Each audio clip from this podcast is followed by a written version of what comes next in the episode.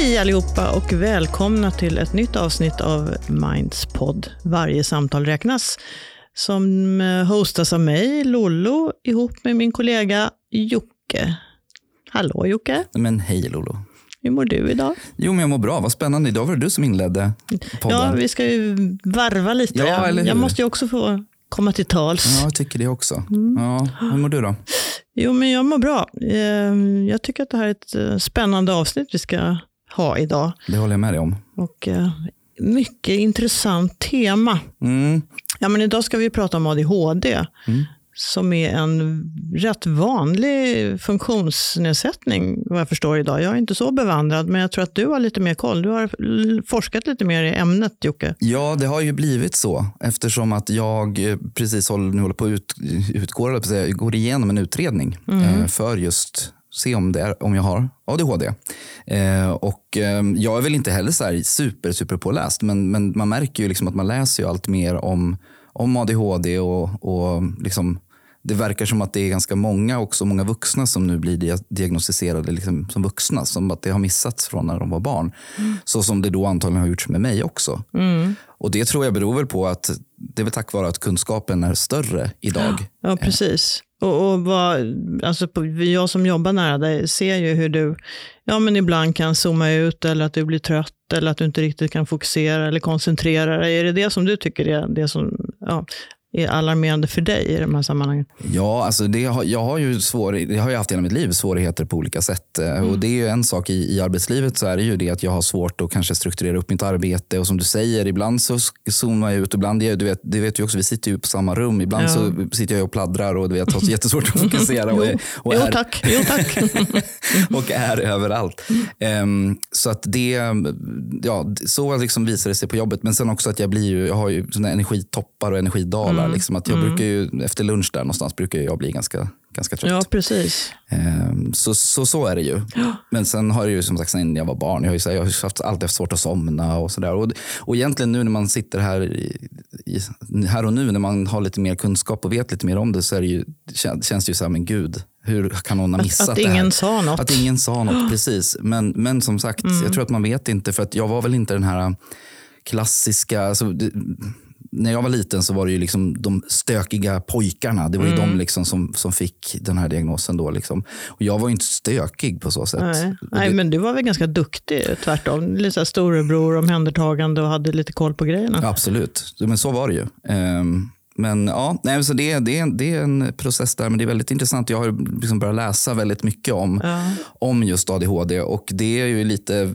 Det. Anledningen till att vi faktiskt ville spela in det här avsnittet just idag är ju på grund av en, en bok. Ja, för vi har bjudit in författaren till den här boken som heter ADHD på jobbet. Och det är Martina Nelson. Hon har skrivit den ihop med Lotta Skoglund. De är båda psykologer och eh, har forskat mycket i ämnet. Mm. Så det är väldigt spännande. Du har läst den. Jag har läst den här boken eh, ganska nyligen och det var ju som att läsa boken om mig själv kan jag säga. Alltså, Ja, det var så. Ja, ja, det var så mycket igenkänning och det var så här, men gud det här är ju jag. Det här är ju jag och det här är ju jag.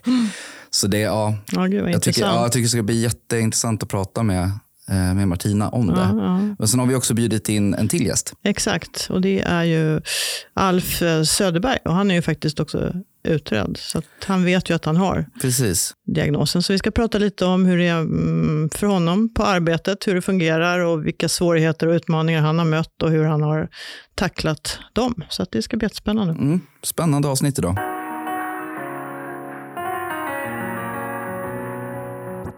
Hej på er Alf och Martina. Hej. Hur är läget med er? Hur är läget med dig Alf? Jo, idag är det bra. Ja, och med dig Martina? Nej, men det, idag är det bra. Jag är faktiskt full av energi idag. Ja, härligt, härligt.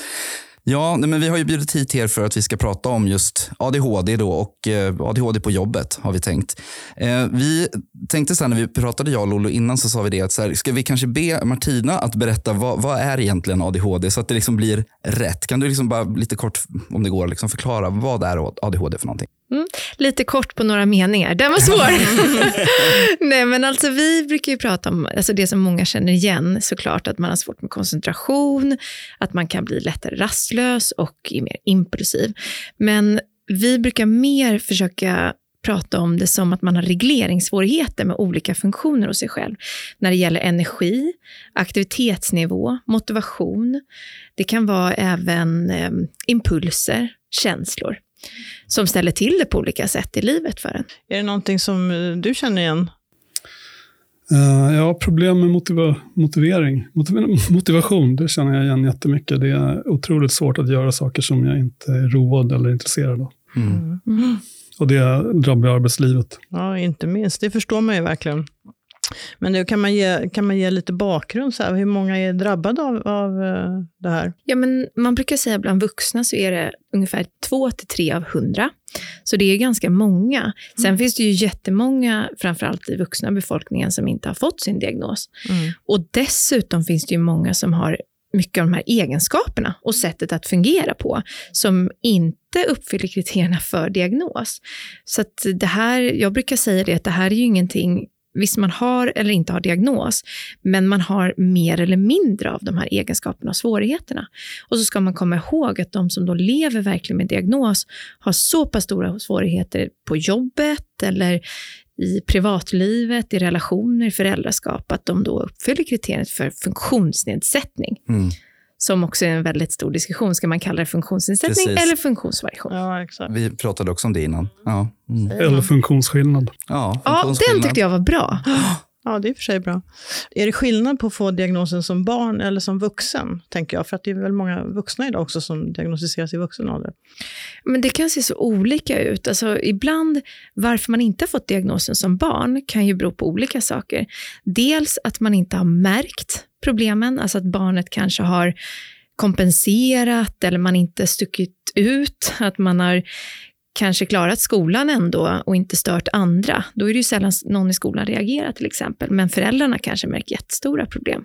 Mm. Men sen kan det också bero på att skolan fan, faktiskt funkade bättre för barnet, för det var tydlig struktur, det var ramar, man visste vad man skulle göra, det var lärare, det kanske var föräldrar som stöttade och sådär. Och då kan det ju vara för dem att när man sen blir vuxen och det är mer krav, det ställer högre krav på självständighet. Man kanske inte, de här tydliga ramarna som fanns under skoltiden kanske inte finns längre i arbetslivet på samma sätt och man får inte de anpassningarna som man behöver, som man kanske har fått innan. Mm. Och då plötsligt blir det problem för en. Ja. Men du, jag tänker Alf, märkte du av redan som barn, som liten, att du hade de här svårigheterna? Uh, ja, jag, svårigheterna har hängt med hela livet, men, men jag formulerade det aldrig som att det skulle vara någon form av diagnos eller så. Utan, um, jag var bara rörig och uh, motoriskt orolig och sprang runt i klassrum och sådär och skojade för mycket och drog för mycket ordvitsar och sånt där. Så att, mm. Ja. Mm. Och hur blev du bemött då i skolan av så lärare och sånt? Var det liksom den här klassiska att så här, men, ah, han är så stökig, liksom, eller hur? Uh, jag fick ett lite kluvet bemötande för att jag hade ganska lätt för mig i skolämnena. Men jag var ändå okoncentrerad. Så att eh, eh jag fick ett bemötande som var ungefär att du som är så, eh, så ordentlig egentligen, varför håller du på och, och krånglar och strular så här? Så det var, det var ganska, det var inte en, någon lätt karamell att smälta om jag säger så, för att eh, mm. jag kunde inte, som barn kunde jag inte förklara vad, vad som var fel. Mm. Men när förstod du att det handlade om något annat än att du faktiskt bara var en liksom, stökig, stökigt barn? Eh, det var väldigt eh, sent i livet, eller i mitt liv. Um, jag fick ju diagnosen när jag var 47-48 år ungefär. Uh, och det var ju för att uh, vi, vi flyttade till en så kallad eh, aktivitetsbaserad arbetsplats, en, mm. en, eh, ett helt öppet kontorslandskap. Eh, där man inte hade några fasta platser och där det inte fanns någonting som avskärmade. Och jag fick jätteproblem med att, eh, att producera någonting i, i jobbet. Då pratade jag med en chef som tidigare hade, min, min chef, som tidigare hade arbetat inom kriminalvården som chef också. Uh, och det var hon som sa, men det låter precis som mina gamla medarbetare som har ADHD, sa hon. Mm. Uh, när jag hade samtal med henne. Ja. När vi pratade om att jag hade en låg prestation. Ja, men det där är ju så tydligt, det som vi ser att många med ADHD har, svårt att filtrera. Alltså att man tar in, det är nästan som att man ständigt bombarderas med intryck som man inte kan utestänga. Och det kan ju göra dels att man tappar fokus och får ingenting gjort, eller att man blir helt utmattad så att man orkar inte lika mycket som... Och dessutom har, har man ingen liksom, ja, men hur kommer min nästa dag se ut? Var kommer jag sitta? Vad är min liksom, hållplats? Eller vad man ska säga. Och samtidigt har jag träffat vissa som beskriver att de nästan funkar bättre i sådana miljöer, för att med det här bakgrundsbruset. Ja. För då är det nästan som att dopaminet liksom kickar igång och man då kan fokusera. Så det vill jag verkligen belysa, att det kan se så olika ut. Mm. Liksom. Mm. Ja, det finns exempel på många som trivs med eh, alltså, som använder brus som, som hjälpmedel i jobbet. Alltså eh, regn, ljud av fallande regn eller liknande. Ja, och jag vet också att så här, vissa som tycker att det är jättesvårt att göra sånt man tycker är tråkigt eller monotont, då har jag träffat vissa som beskriver att ja, men då gör jag istället det en tävling när jag ska göra vardagssysslor hemma. Att jag hoppar mellan tre olika och räknar hur lång tid varje sak tar och att det blir då ständig variation så att man hittar liksom sina egna knep. Och det är ju lite det här med brus också, att vissa funkar bättre med det och att eh, ja, hitta mm. sådana saker. Ja, jag känner igen den där tekniken från mitt eget liv. Fast jag har en sån här, de heter väl time timer, en timer. Uh, och då försöker jag klara av olika saker på, på en specifik tid. Och jag tycker också kul att ta tid på när jag gör en vardagssyssla. Så att, uh, det är ett sätt att göra det tråkiga lite roligare faktiskt. Mm. Eller lite mer varierat i alla fall. Men är det så viktigt för dig att strukturera upp livet även hemma? Att det här handlar inte bara om yrkeslivet för dig som du blir påverkad, utan även sen när du ska göra grejer? Ja, det är så, en, sån, en sån enkel sak som att göra mig ordning på morgonen. När jag går och duschar så har jag en timer för att inte fastna i duschen så att säga. Bildligen. Mm. Um, det är genomgripande, men det är bara på de dagarna jag har en tid att passa till exempel. På helgerna så skippar jag de där sakerna för att få ja. variation på det sättet. Liksom. Men du, jag tänker innan du då fick förklarat för dig vad det här berodde på, du hade, det var ju ganska många år som du var i yrkeslivet utan att ha klart för dig egentligen varför det liksom stökade. Ja. Alltså det måste ju ha varit rörigt för dig även innan. Grundskolan på min tid var ju ganska, var betydligt mer strukturerad än idag. Det, byggde inte lika mycket på självständigt arbete. Um, så där klarade jag mig ändå okej. Okay. Mm.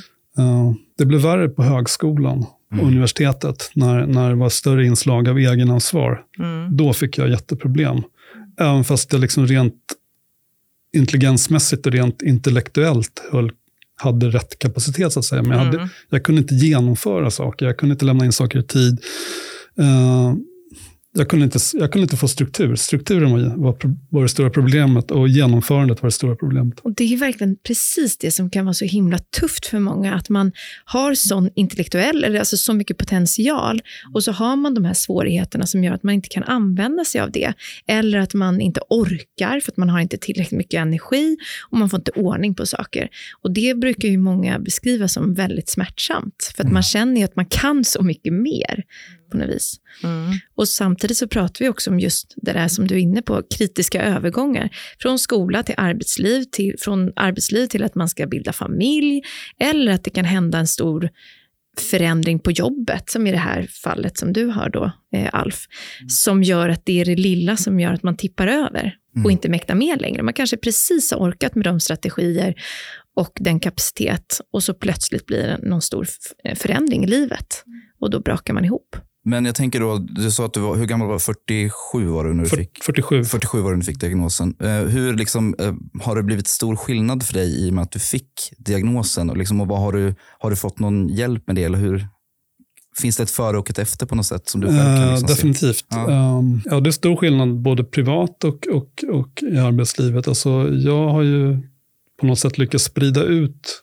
sysslorna så att jag kan klara av dem. Istället för att förut så var jag någon slags varannandags person som presterade på topp ena dagen och mm. var helt utmattad nästa dag eller så. Uh, nu har jag liksom strategier för att hantera det där och uh, det är också ganska skönt att kunna sätta, att jag vågar sätta ord på, på, på, mina, på min problematik. Inte att jag säger att jag har ADHD, utan, för det håller jag oftast tyst om mm. uh, i arbetssammanhang. utan jag säger oftast att jag har svårt med det och det och det. Uh, jag har fått mycket, liksom, jag har blivit mycket modigare på det sättet att jag vågar föra på tal det som är Ja. svårt. Liksom. Mm. Och, det, och det hjälper jättemycket för att jag har en, en lyhörd arbetsgivare.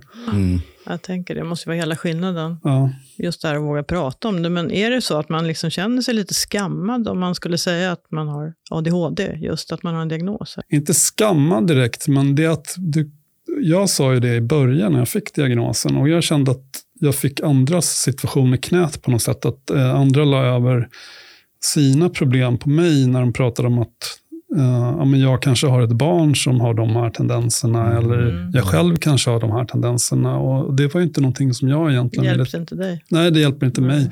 Och att just bara säga ADHD, då kan, jag kan ju lika gärna säga att jag, är- jag är en postlåda eller jag är ett cykelställ.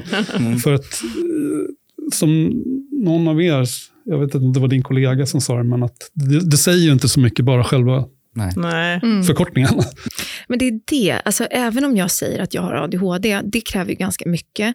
Dels att man ska våga att det finns ett sånt öppet klimat hos, på den arbetsplatsen och att man känner att här kan man faktiskt visa att man är väldigt bra på vissa saker, men man har också svårare för andra saker. För så Mm. funkar vi alla människor. Ja. Det är ju ingen som är bra på allt. Det är ju Nej. en illusion att det skulle vara på det sättet. Och skulle jag då säga, men jag har ADHD, det säger ju vissa grejer såklart, men det ser så olika ut. Så då är det mycket bättre att försöka sätta ord på vad blir svårt för just mig och sen också kommunicera det precis så som du har gjort. Alltså ett, ett ord på och liksom ett gemensamt språk. Det här är svårt, det här gör att jag funkar kanske lite bättre, de här förutsättningarna funkar bäst för mig.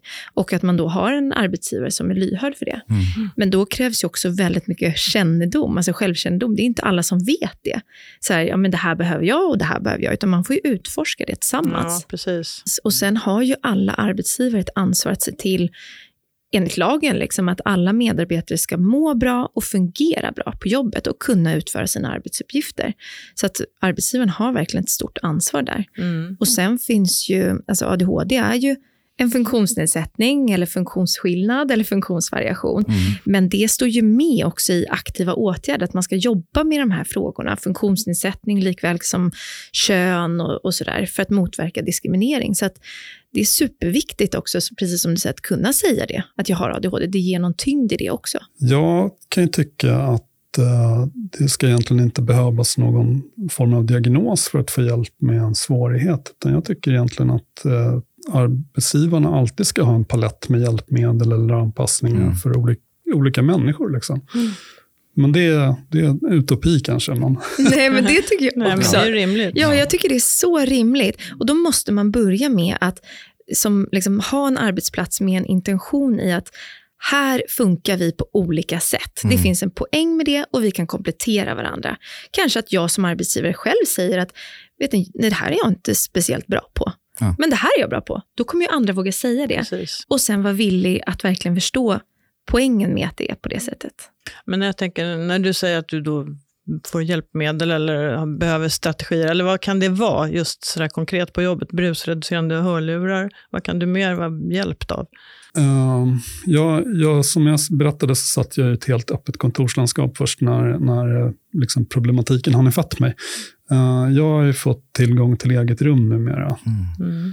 Eh, För att jag behöver helt tyst omkring mig. Mm. Eh, inte ens liksom regnljud funkar. Ehm, så det är en sak. Och sen har jag fått, uh, jag på eget, eget initiativ så har jag gått ner i arbetstid. Men jag har ju Mm. inte rätt, jag har ingen liksom, självklar rätt att göra det. Utan, utan jag avstår liksom 25 procent av min lön för att få jobba Mm. eh, på ett sätt som passar mig. Och sen så då, vi har ju veckovisa uppföljningar och, och eh, där jag och min chef liksom öga mot öga går igenom vilka krav som, som ställs liksom, i det korta perspektivet. Vad ska vi göra den här veckan? Vad behöver du göra den här veckan, Alf?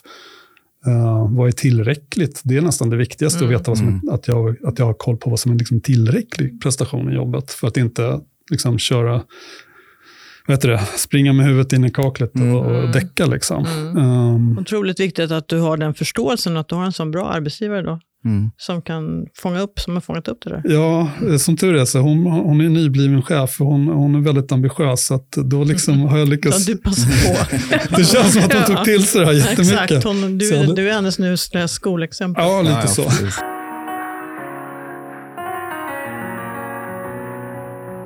Vi pratade om det här med om det är viktigt att få diagnosen och, och liksom det här. Jag har ju känt under ganska stora delar av mitt liv att så, men, så varit arg på mig själv och känt mig dålig och känt mig liksom, så varför orkar inte jag lika mycket som alla andra och varför har jag varit sjukskriven för utmattning tre gånger i mitt liv och varför har jag, du vet, hela den biten.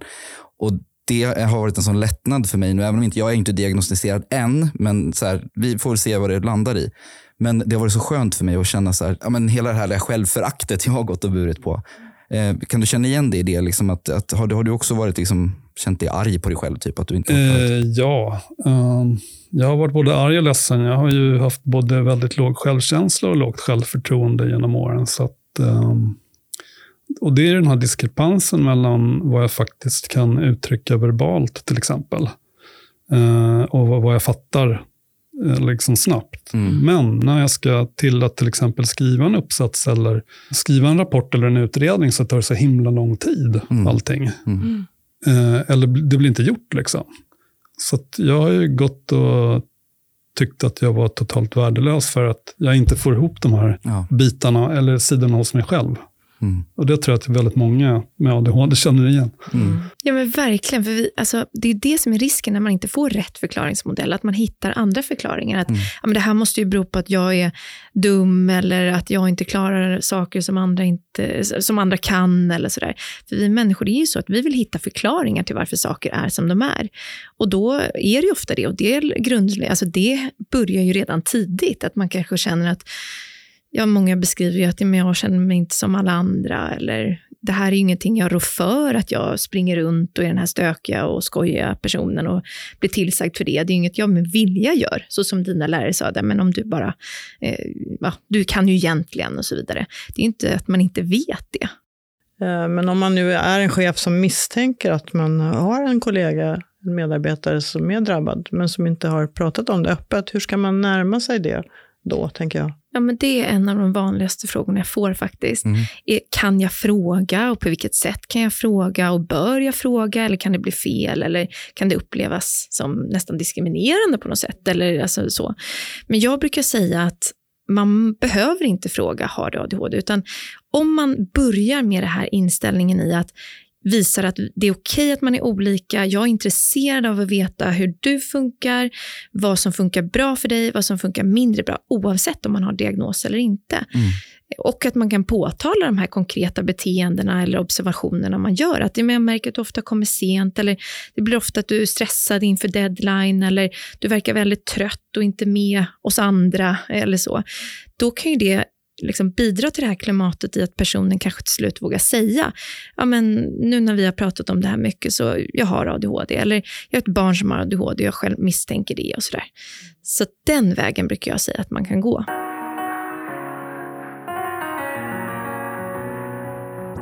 Alltså, många säger ju alltid så här, ADHD, det är min superkraft. Mm. Alltså, är, Vad tycker vi om det? Vad tycker vi om den Ja. sägningen? Alltså då har man en väldigt konstig uppfattning om ordet superkraft. Det är väl min, vad jag vill säga. Mm. För att eh, det är ju faktiskt till största delen svårigheter på många plan i livet tycker jag. Eh, Ja, men precis, det är ju ett lidande. Det är svårigheter som verkligen ställ, ställer funktionen på sin spets, så att säga. Mm. Så det ska man ha full respekt för. Men visst, det kan vara jättemånga som kommer långt, men då är det ju inte tack vare sin ADHD, utan trots sin ADHD. Mm. Och kanske hade personen fått hjälp i rätt tid, kanske inte hade tagit lika mycket energi och kraft och man kanske hade nått sin fulla potential, kunnat fungera på en jämn nivå eh, och må bättre. Liksom. Ja, nej, men jag förstår. Du blir väl också provocerad av det, Jocke?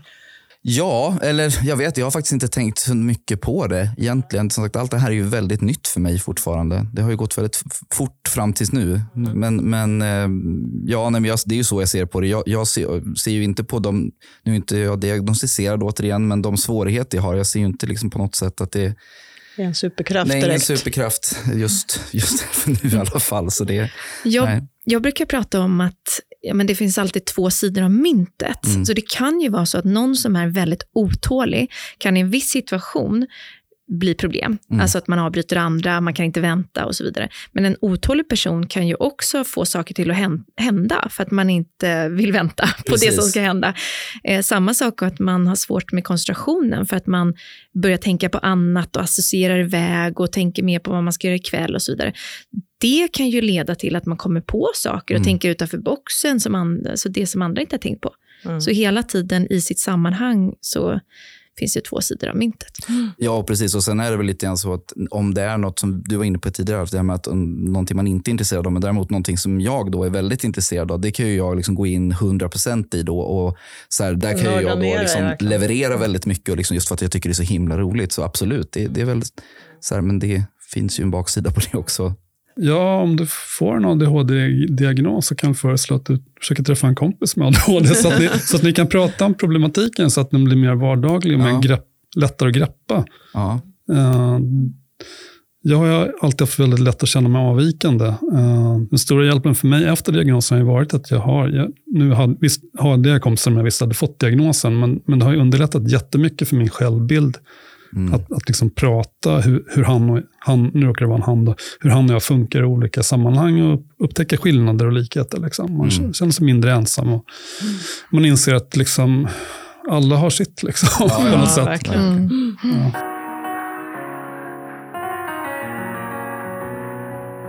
Det är jättefint att ni ville komma hit och prata om det här viktiga ämnet. Och eh, din bok är jätteviktig. Den ska vi verkligen rekommendera att man läser. ADHD på jobbet heter den. Ja, där ska ju alla. Vi vill ju också att arbetsgivare, HR-personal, ledare, men också man själv, kollegor, närstående ska läsa den. Så den är ju väldigt bred, Mm. Verkligen. men viktig för alla. Mm. Ja, du Alf är inte minst ett bevis på hur viktigt det är att ha en bra, en bra chef som kan fånga upp det här. Ja, jo, det, för det är stor skillnad i trivseln med livet, så att säga, eller arbetslivet. Mm. Så att det är jätteviktigt att, att arbetsgivare förstår att, det, att den här problematiken existerar. Exakt. Mm. Tack så jättemycket till er båda två för att ni ville komma hit och gästa. Och eh, tack till er som har lyssnat på det här avsnittet. Eh, ni får jättegärna prenumerera på podden och eh, ta hand om er så hörs vi snart igen.